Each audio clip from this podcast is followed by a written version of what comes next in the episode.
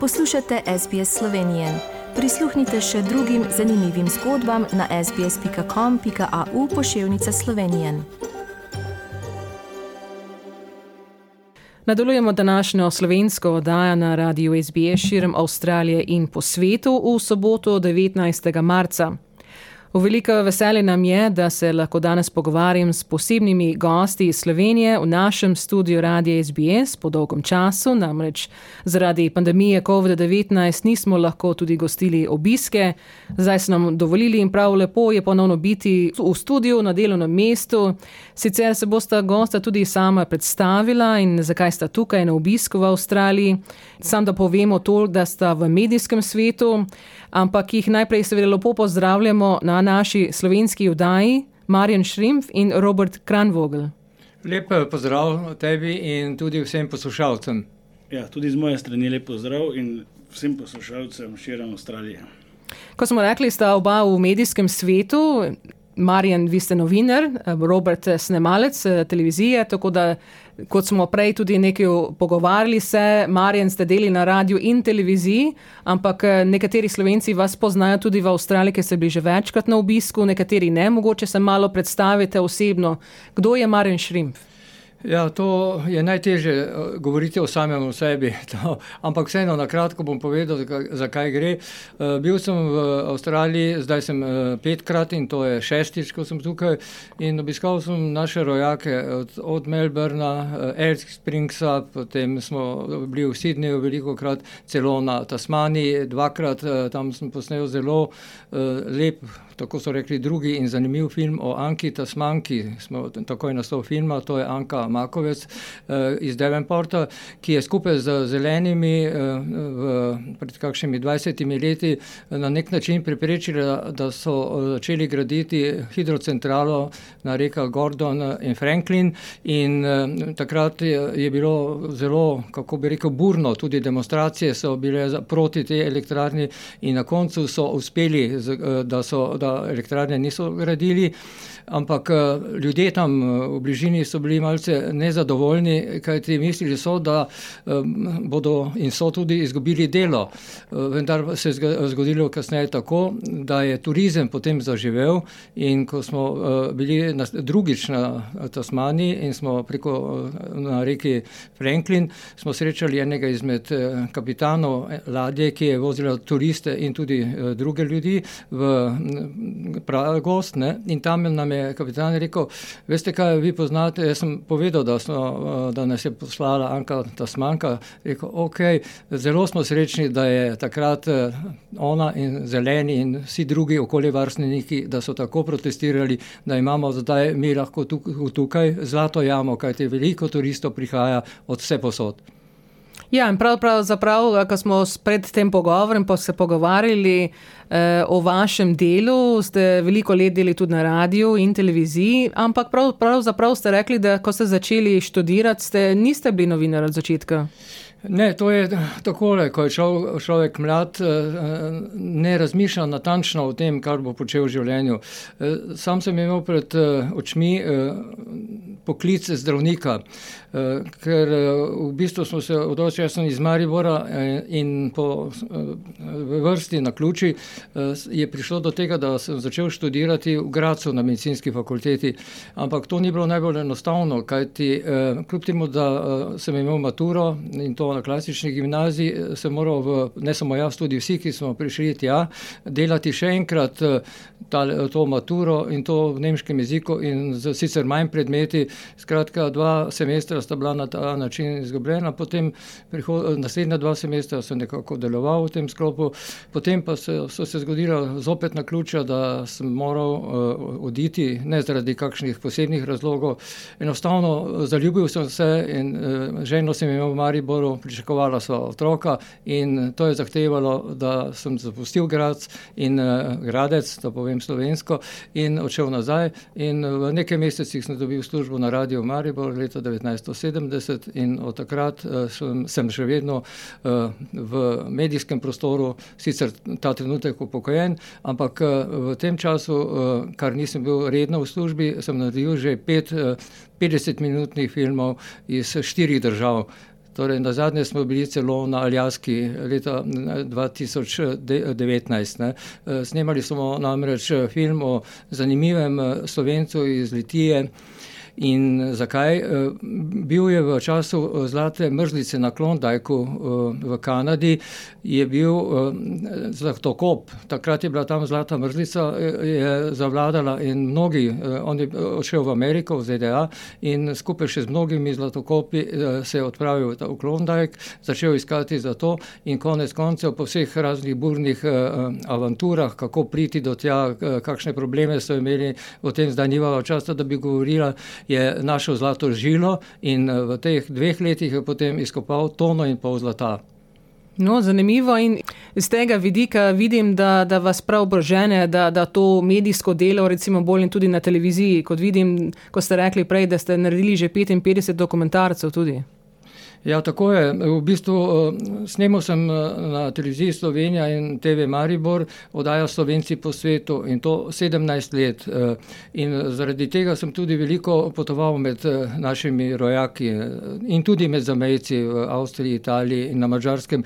Pa vendar nekako me je najbolj veliko prek oceanov. Vedel sem, kje so Slovenci, kam so odšli, bodi si kot politični ali pa ekonomski imigranti. Zato sem bil največkrat v Argentini in pa v Braziliji. Potlej smo snemali tudi v Čilu, Urugvaju, Paragvaju, Kolumbiji, skratka eh, v vseh državah, kjer so bili Slovenci. Tudi v ZDA eh, smo veliko posneli, eh, tudi filmov in prispevkov za oddajo Slovenci po svetu. V Kanadi smo bili štirikrat, da ne govorim potem o Avstraliji, ker sem zdaj šestič, ne, s tem so tudi začela. No in ker je v tej oddaji nastopalo veliko naših rojakov, je nastalo predvsej zanimivih dokumentarnih portretov tudi, kajti kot veš, je oddaja eh, sestavljena iz eh, krajših prispevkov.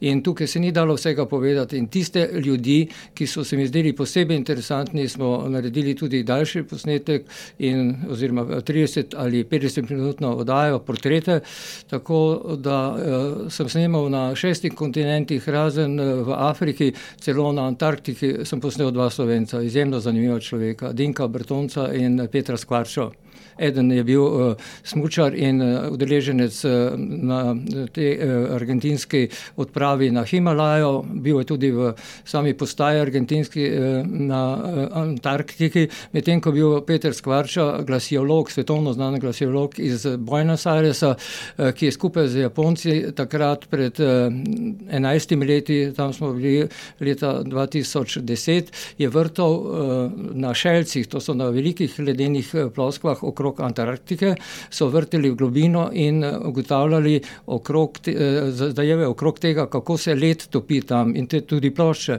In takrat je v tistem intervjuju, ki je bil sestavni del filma, je povedal, da se bo kmalo ena izmed plošč in to velikih plošč eh, odlomila od samega kontinenta in splavala v morje.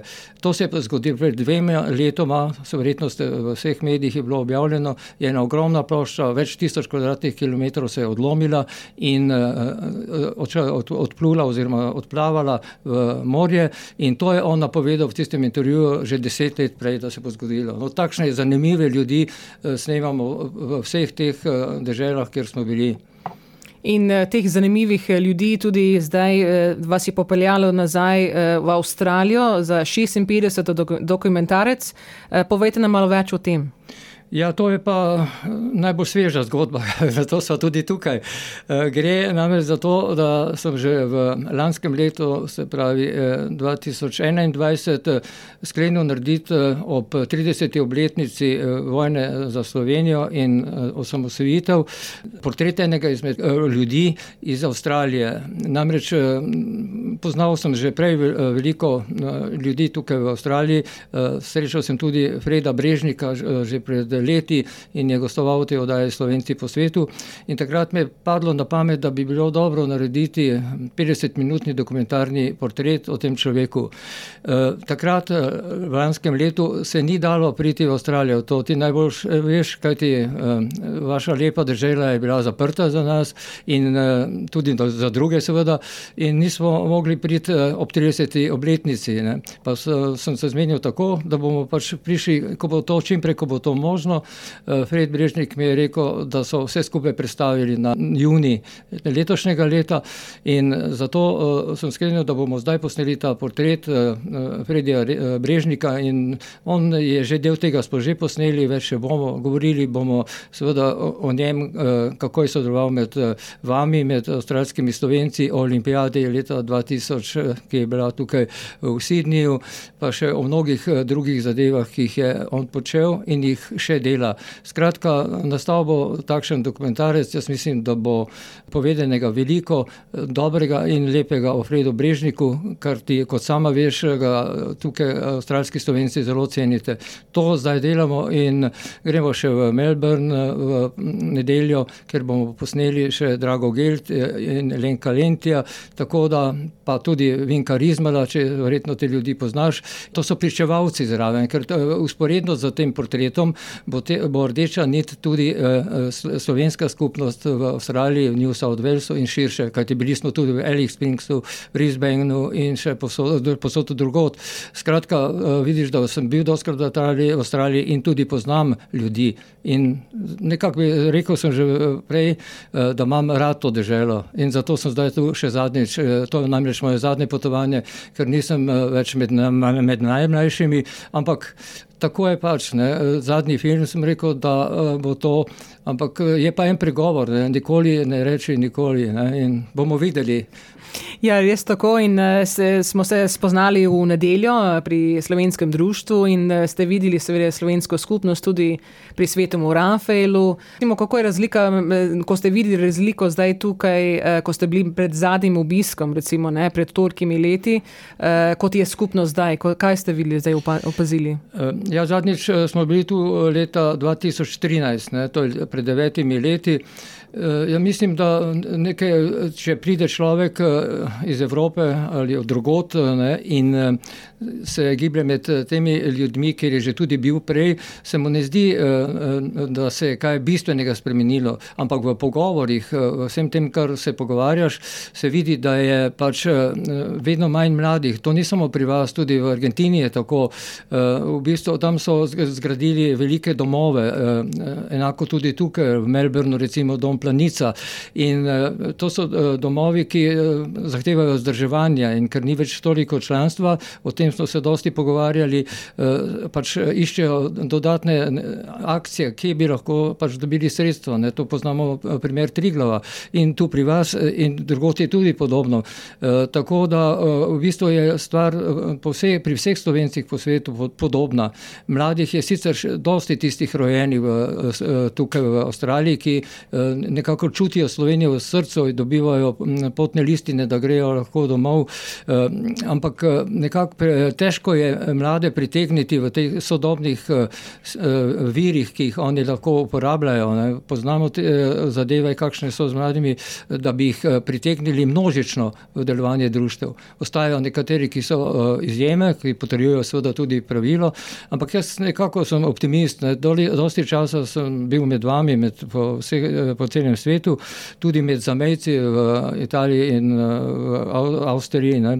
Pa se mi zdi, da nekako z, z novimi prijemi, s tem, da ko animiramo mlade in ko vidijo, da Republika Slovenija je tisto, kar bi mogoče radi obiskali, da vidijo svojo domovino svojih staršev, in to jih še vedno priteguje, kajti vem, koliko ljudi prihaja recimo v Maribor ali pa v Ljubljano. Tako, jaz sem optimist glede tega. Ja, upamo, da bo res tako. Se pa nek smo se prej pogovarjali, da se veliko let že govori, kakšna je bodočnost smo ta naše skupnosti. E, mogoče seveda bo v drugi obliki, kot smo bili do zdaj, recimo ne, z prve generacije, druga in tretja generacija ima drugo mišljenje, druge poti, ampak upamo, da se bo spet nadaljevalo, da bojo rekli, da so Slovenci, da so ponosni, da so Slovenci in bojo našli svoje korenine v Sloveniji, če jih niso že tukaj. E, mogoče, da gremo nazaj malo na, na to 30. obletnico, ko ste rekli Slovenije ne, in to vojno, kot smo govorili prej, ko bo malo več o, o tem dokumentarcu. Vi ste bili takrat eh, novinar, eh, seveda na licu mesta eh, tam ja, v Sloveniji. Kakšni so pomini tistih časov? Ja, to je prav uh, zanimivo vprašanje, uh, ker čo, jaz sem bil dejansko takrat uh, aktiven uh, v tej uh, borbi za Slovenijo. Uh, boril sem se na Šentilju, to je največji mednarodni meni prehod, ne sicer z puško, ampak z mikrofonom. Uh, takrat je bilo zelo pe pestro, uh, kajti uh, tanki iz, so, izplu, uh, so izvozili iz uh, Mariborske vojašnice, Franc Rozman stane in so se namenili proti Šentilskemu menjemu prehodu, ker ti uh, JLA in drugi takratne Jugoslavije so vedeli, da je to zelo pomemben prehod in uh, so ga želeli zauzeti. Ampak eh, to jim ni uspelo, zato ker so teritorijalne enote eh, ustavile tanke s svojimi protitankovskim orožjem in so v tičajih, 4-5 km pred mejo. Ampak to ni bilo, uh, mi smo to vedeli ne, in so pa takrat njihova letala JLA so priletela na to območje in so uh, raketirala tovornjaki, ki so tam stali ne, na meji, pred mejo še. In to je bilo en prvi takšen dejanski oborožen napad, tam je bilo tudi nekaj voznikov tovornjakov uh, mrtvih, uh, ampak potem se ta uh, ponova, napad ni ponovil, čeprav so non-stop prihajale vesti, to smo jih mi dobivali od poveljnikov teritorijalne obrambe in tudi milice, ki je bila tam na menem prehodu.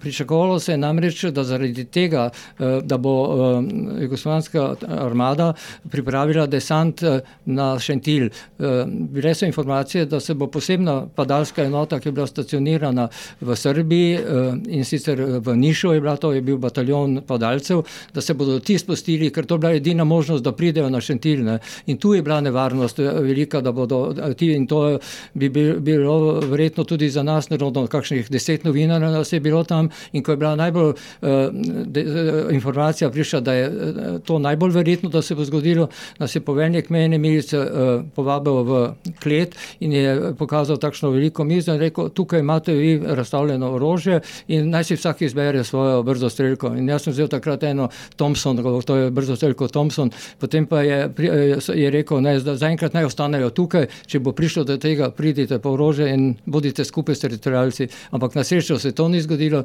še posebej, ker je bila na avstrijski strani že postavljena protizračna obramba, tako da tudi eh, letala, pa tudi helikopteri bi težko uh, varno pristali na Šentilskem prehodu. Na, ker zelo Avstrijci so bili takrat izjemno uh, naklonjeni do nas, so rekli, če bo prišlo do tega in boste v težavah, meja je odprta, takoj pridete k nam in ste dobrodošli na drugi strani meje, samo začasno seveda. Ja, tako da ste imeli srečo. Ali je v tisti dan bilo vam žal, da ste novinari in ne, niste nadaljevali z medicino? Ne, sploh mi ni bilo žal, posebej, ker sem to sproti eh, preko radia poročal, zato ker uh, ni bilo možno televizijsko leta 91, ni bilo, ni bilo takšne tehnike, da bi lahko predvajali to v televiziji, ampak eh, non-stop uh, sem bil jaz na slušalkah ne, in sem tudi za radio uh, Maribor, pa potem uh, tudi za radio, uh, takrat ni bilo Slovenija, ampak radio Ljubljana uh, poročal. In to so seveda poslušali vsi tudi v uh, pres-centru, ker je bil gospod Kacin voditelj tega centra, ga poznate. In on je, uh, jaz sem potem, ko je prišel tudi do enega spopada med uh, jugoslovansko armado, ki je bila na enem hribu stacionirana v posebnih bunkerjih in spode so bili pa teritorijalci slovenski. Ne? In so se ti prišli do spopada, so se streljali drug na drugega in jaz sem slučajno bil vključen. Veš, kaj pomeni, če si v živo no, uh, vključen, sem to poročal, ne? ker je bilo to, to je bil edini tisti dogodek, ki je bil takrat tako zanimiv v, v, v tem smislu, ne? da je bil aktualen. Ne? In jaz sem tako poročal, mogoče malce prehitro, tako da je Jelko Kacin, ko je bilo vsega tega konec, poklical mojega šefa v Mariju, Maribor in rekel, da naj meni pove, da naj ne opisujem tako natančno uh, dogodkov na samem terenu, kot da je to na nogometni tekmi, ker bo to prišlo letala. Pa, potem sem vas pa takoj povedal, da je to nemogoče, kajti tam jih čaka protiletalska obramba. No, to je en takšen dogodek, ki je bil še delno silno zanimiv. O vprašanju pa nikoli mi ni potem bilo žal. Ne da sem pač zamenjal profesijo. Ti, če bi bil ostal, bi bil mogoče zdravnik v kakšni bolnišnici, eh, zdaj tako pa sem bil eh, non-stop na terenu med ljudmi. To sem delal 30 let eh, in eh, dejansko videl cel svet, skoraj eh, pa tudi, kako bi rekel, eh, doživel sem ljudi. Ne. Drugo je to, če turistično potuješ ali pa delaš in si med ljudmi, so stvari popolnoma drugačne, predvsem lepše. Zato so se nekajkrat, menda trikrat ali štirikrat eh, nam pridružili moji ekipi tudi KG, to je kao gosti. To so bili ljudje, ki so hoteli priti, so sami seveda plačali letalske vozovnice in vse ostalo in so želeli biti z nami, da vidijo, kako se doživljajo stvari stvari na tak način. Ne, mi smo bili na Amazonki, tudi v Pantanalu, v džungli, vse posod, veliko je bilo izjemnih dogodkov in ni bilo nikoli žal tistim, ki so šli z nami. Kajti, to je posebej nekaj drugega, posebej nekaj drugega, kot pa iti na eno turistično potovanje. Ne.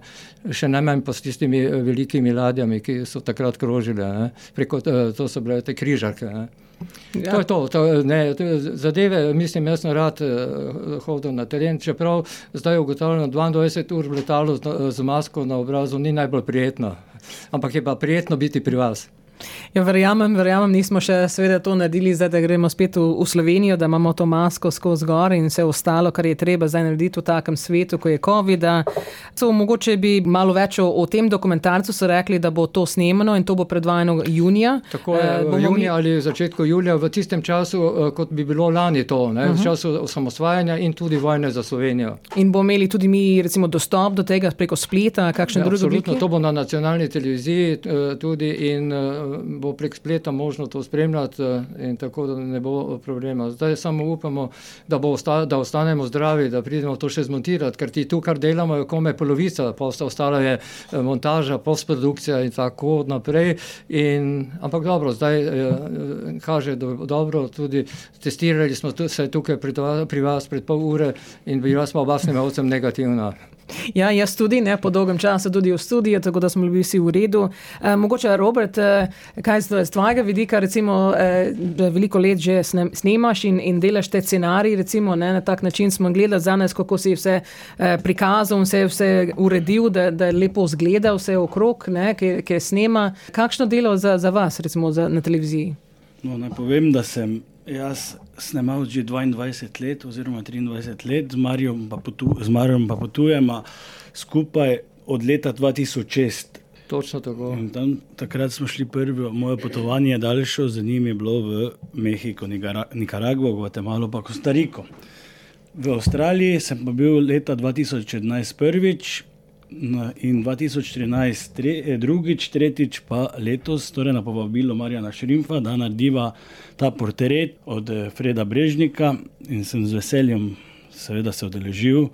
Skupaj naredila nek uh, načrt, scenarij, ampak dolgo, dolgo čakala, da to realiziramo, oziroma zdaj smo tukaj z velikim veseljem. Sem prišel, jaz sem rekel, da imam doma ogromno dela, ker v času COVID-a Jaz sem sodeloval z indijskim Bollywoodom in sem bil v bistvu lo, eh, lokacijski menedžer in še neke druge stvari, torej celo logistiko imel za njih, za jugovzhodno Evropo. Koliko vemo, pa se je 2020, marca, tudi v Sloveniji to vse skupaj ugasnilo in je prišla neka luknja na mojem, se reče, poslovnem svetu, ampak se po letu dni eh, sem se preusmeril, začel delati v Sloveniji, pa v Evropi, na mesto z Indici, torej Evropa, Slovenija. In imam zdaj dosti projektov v Sloveniji, eh, dva dokumentarna eh, filma me čakata, eno v Julicih. En pa od enih pesnikov in pisateljev, ampak sem predstavil, se neko marijo, to enostavno se tega ne moremo reči, mi dva moramo to posnet v Avstraliji in smo danes tu. Imamo vsak dan intervjuje in delamo. Kako ste naleteli, da, da delate za, za Bollywood? To, e, to so pa ene zelo na ključja v življenju in tudi to je bilo na ključje. En čas, jaz sem celo po letu 2014 imel fiksno idejo, da pridem v Avstralijo delati na Brisbane kot snemalec, ampak se takrat pojavil Bollywood to zelo velika izkušnja. Naj, naj povem, da Bollywood se marsikdo ve, največja filmska industrija na svetu. In ko imaš priložnost, da delaš za njih, enostavno nismo mogli odkloniti. In je bilo zelo, je, je zanimivo. Jaz upam, da se bo to vrnilo v stare tirnice in da bomo začeli z Bollywoodom sodelovati naprej da bo oni začeli snemati naprej. Vse imam veze z Mumbajom, tam je največja ta produkcija, isto, isto kot v Los Angelesu, Hollywood je Mumbaj prestolnica Bollywooda. Komaj čaka, da pridejo snemati. Eh, kar se pa tiče, kako kak je to prišlo, prišlo pa je to, da imam enega kolega z Maribora, ko je v bistvu važal v Slovenijo in Evropo iz Indije granit.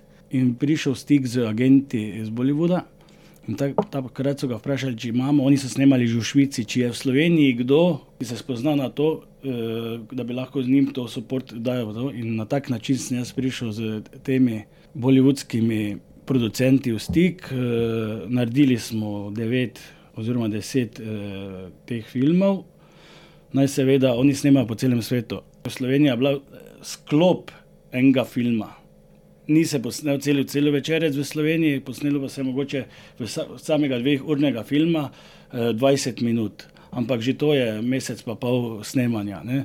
Eh, en film sem, je bil celo v budžetu 56 milijonov evrov, tako da veste, kakšnih budžetih se tu mm. pogovarjamo.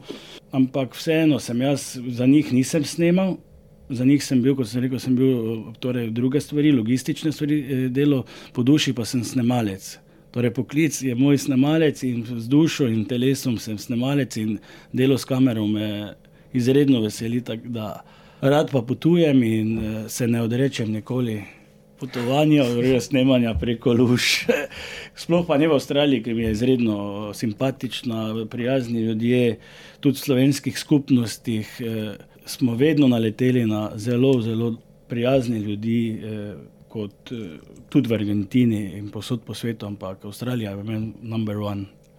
No, lepo slišite, da, da smo mi na, na prvem mestu v teh izseljencih in seveda eh, tisti, ki bojo seveda tudi tukaj v okolici, v Sidneju, eh, v teh dneh eh, boste tudi na preditvi v soboto pri svetemu Rafaelu in seveda mogoče se boste srečili s kom še v Melbournu, ko ste rekli, boste obiskali še tam, tako da vaje bodo videli in upamo, da vas bojo tudi pozdravili kot vsakokrat prej. Marjan Šrimf in Robert Kranvogel, hvala za današnji pogovor v našem studiu Radio. SBS. Želimo vam lepe dneve med nami in uh, veliko uspeha, seveda, pri dokumentarcu. Uh, in se veselimo gledanja v juniju ali juliju, in uh, tudi na naši strani, in upamo, da bo vse lepo.